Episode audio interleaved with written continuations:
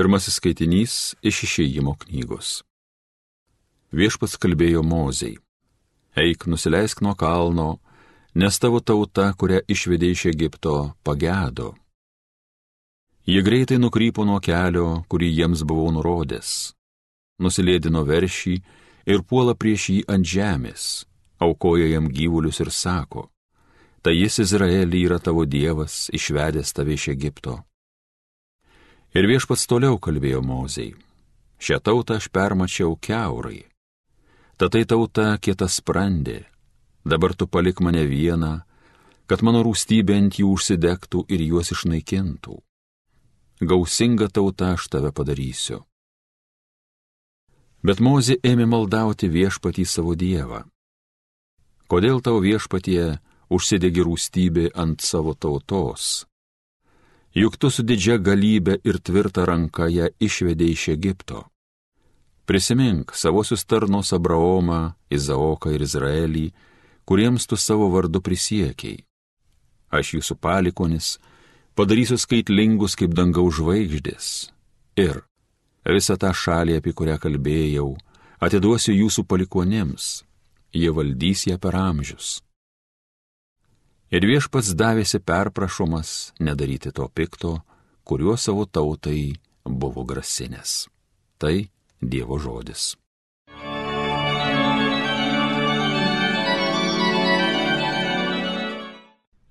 Kelsiuos ir eisiu pas tėvą.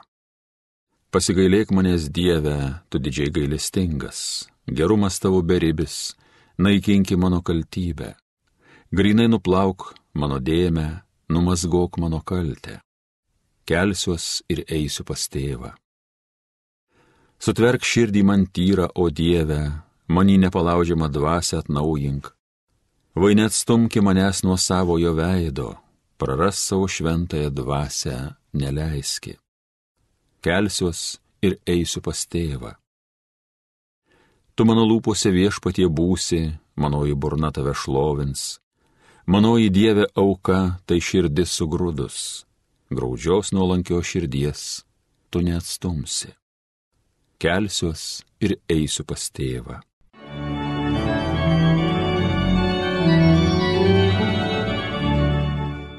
Antrasis skaitinys iš Šventojo Paštalo Pauliaus pirmojo laiško Timotiejui. Mylimasis, aš esu kupinas dėkingumo mūsų viešpačiui Kristui Jėzui, kuris mane sustiprino ir palaikė tinkamu užimti tarnystę, nors anksčiau esu buvęs pikžodžiautojas, persekiotojas ir smurtininkas. Manęs buvo pasigailėta, nes taip elgiausi dėl neišmanimo ir netikėjimo. Bet mūsų viešpaties malonė išsiliejo be saiko kartu su tikėjimu ir meilė Kristuje Jėzuje. Tikras žodis ir vertas pilno pritarimo, jog Kristus Jėzus atėjo į pasaulį gelbėti nusidėjėlių, kurių pirmasis esu aš. Todėl ir buvo manęs pasigailėta, kad manyje pirmame Jėzus Kristus parodytų visą savo kantrybę, duodamas pavyzdį tiems, kurie jį įtikės amžinajam gyvenimui. Amžių karaliui, nemirtingajam, neregimajam, vieninteliam Dievui tebūna garbė ir šlovė per amžių amžius. Amen. Tai Dievo žodis. Alleluja, alleluja, alleluja. Dievas Kristuje sutaikino su savimi žmonės ir patikėjo mums sutaikinimo žinę. Alleluja.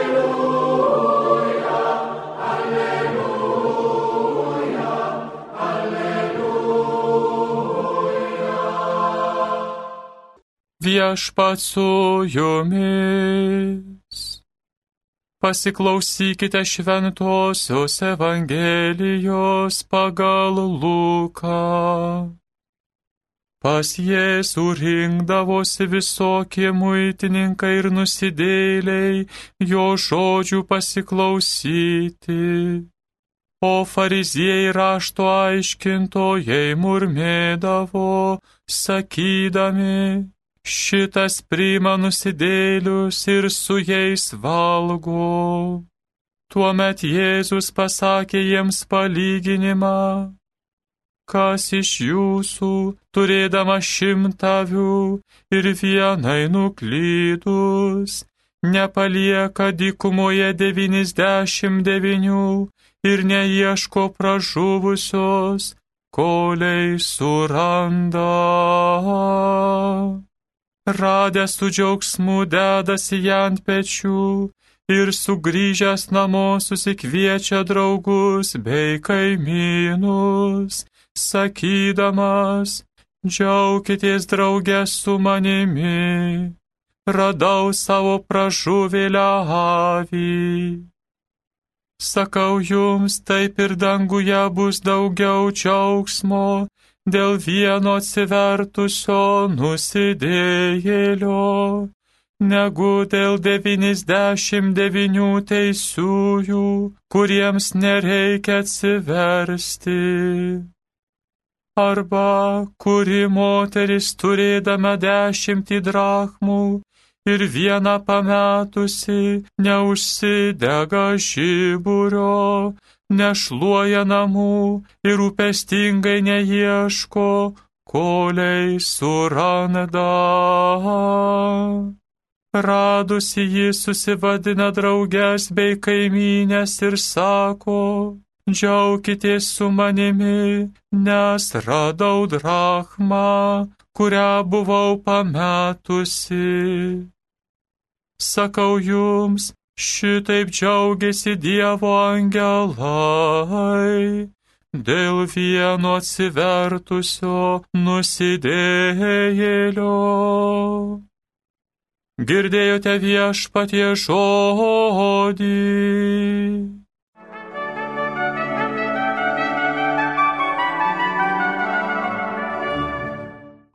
Mėly Marijos radio klausytojai, ar laisvas tas sunus iš kaulinės iš tėvo palikimą? Ne atsakysite jūs. Nelaisvas jis tapo blogų draugijų vergu. Taip, taip. Evangelijoje parašyta, jis pasidavė blogoms draugijoms palaidumui palaidai gyvendamas išeikvojo savo palikimą. Ir kilus badoj jis net keulių ėdavo, ėdavo negavo. Tiesiog lik pasityčiojimas. Jautėsi nelaisvas pas tėvą, ištruko iš jo ir įkrito į tikrą dvasinę vergyją. Panašiai atsitiko šventajam Augustinui. Savo išpažinimuose jis išdėsto savo sulaužėto gyvenimo laipsnius. Savimeilė, ieškojimas blogos meilės, pasidavimas aistroms, geismams, įpratimas, įpročiais pasidarė toks gyvenimas ir dvasinė vergyja. Tai jo gyvenimo stotis toks mano gyvenimas, o mano Dieve, argi tai gyvenimas dėjuoja jis pats. Ir kyla klausimas, kaip žmogus gali išsivaduoti iš tokios dvasinės nelaisvės. Gal padės štai toks gyvenimo vaizdas.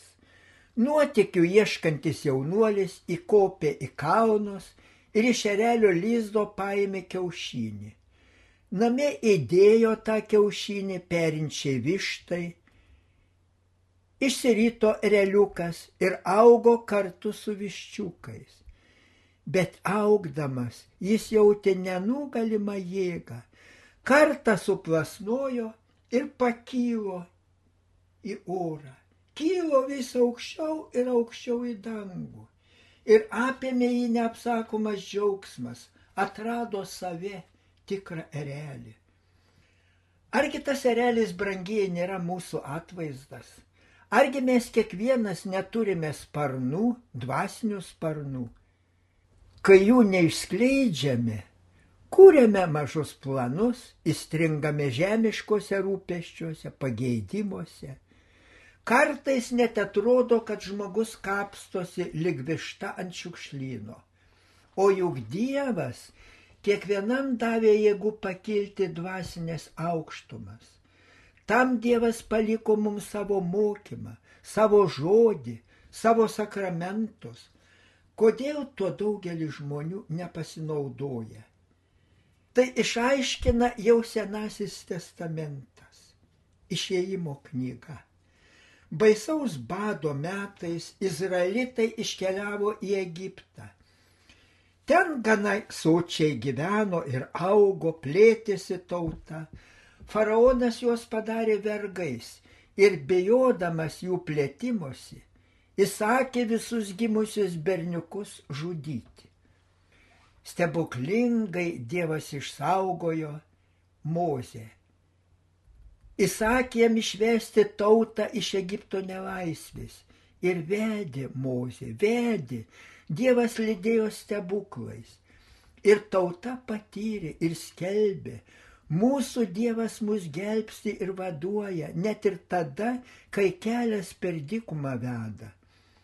Tikrai, Dievas vedė stebuklingai per dykumą, per raudonąją jūrą, bet dykumoje visokie sunkumai ir vargai ir žydai ėmė murmėti prieš Mozę ir Dievą. Egipte turėjome pilnus puodus mėsos, o dabar alkani ir numirsime čia dikumoje. Ir jie tiesiog norėjo grįžti į Egipto vergyją. Bet Dievas jų nepleido. Jiems paskelbė savo dešimtį įsakymų. Jei jų laikysitės, jei pagal juos gyvensite, visada busite laisvi. Tada nepakliusite į nuodėmę ir į jokio blogio vergyją.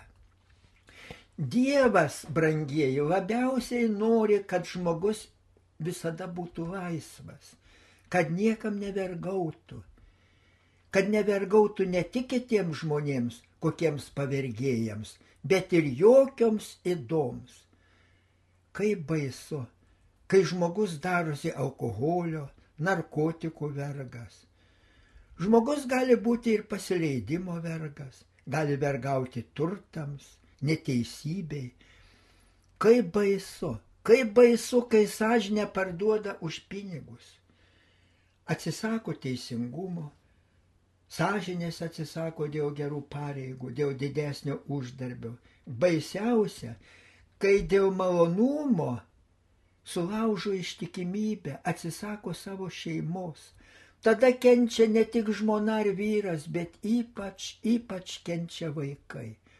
Ir tada liūdnai, liūdnai galvoji, kodėl žmonės užmiršta tikrąją laisvę ir praranda savo ir kitų žmonių ramybę.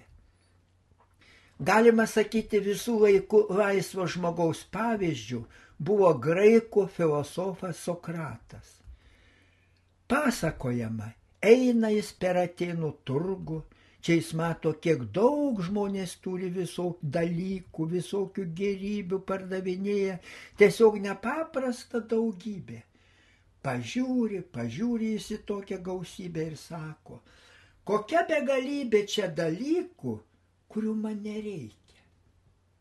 Reikėtų, reikėtų visiems būti tokiais laisvais, nuo nieko nepriklausomais, ramiais kaip Sokratas.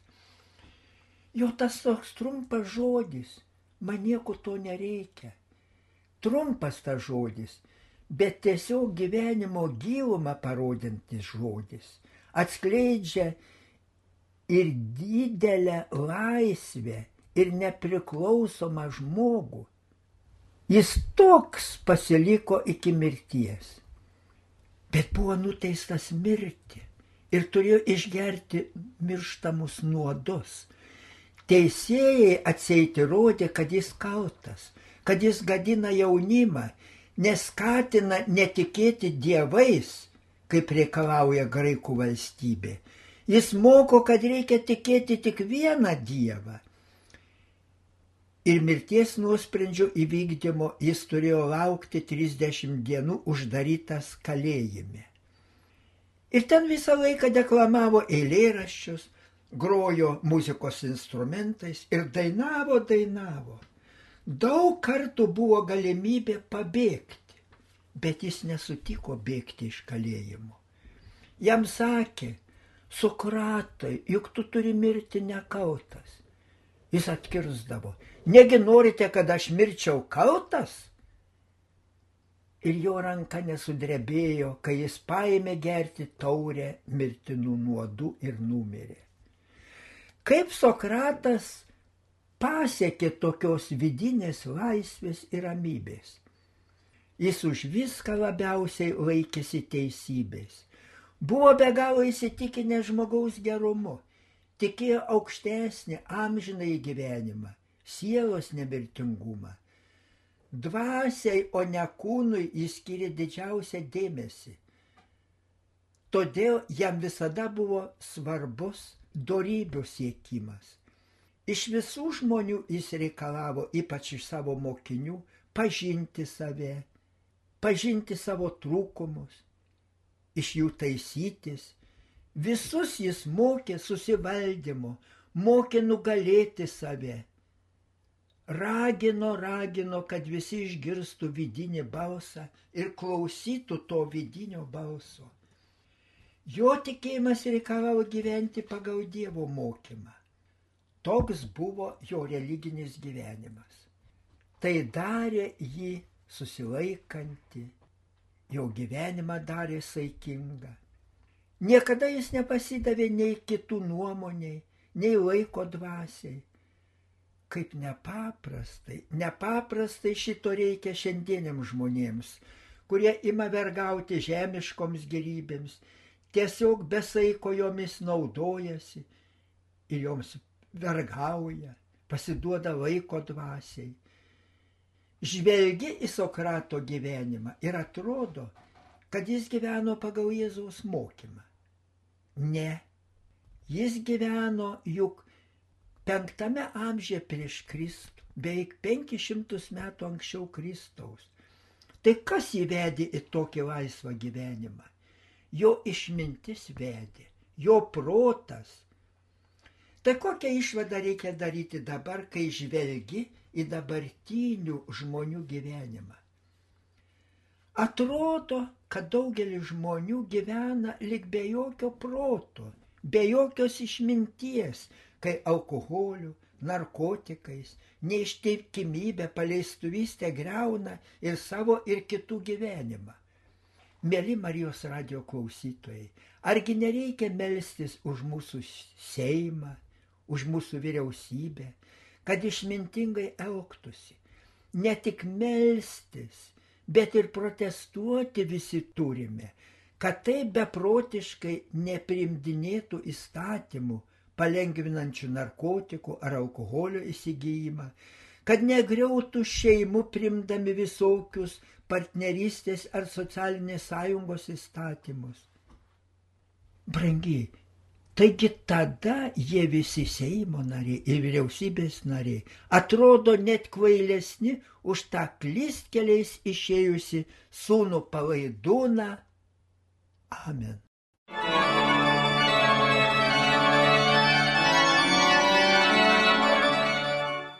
Evangeliją gėdojo kunigas daktaras Vilius Sikorskas.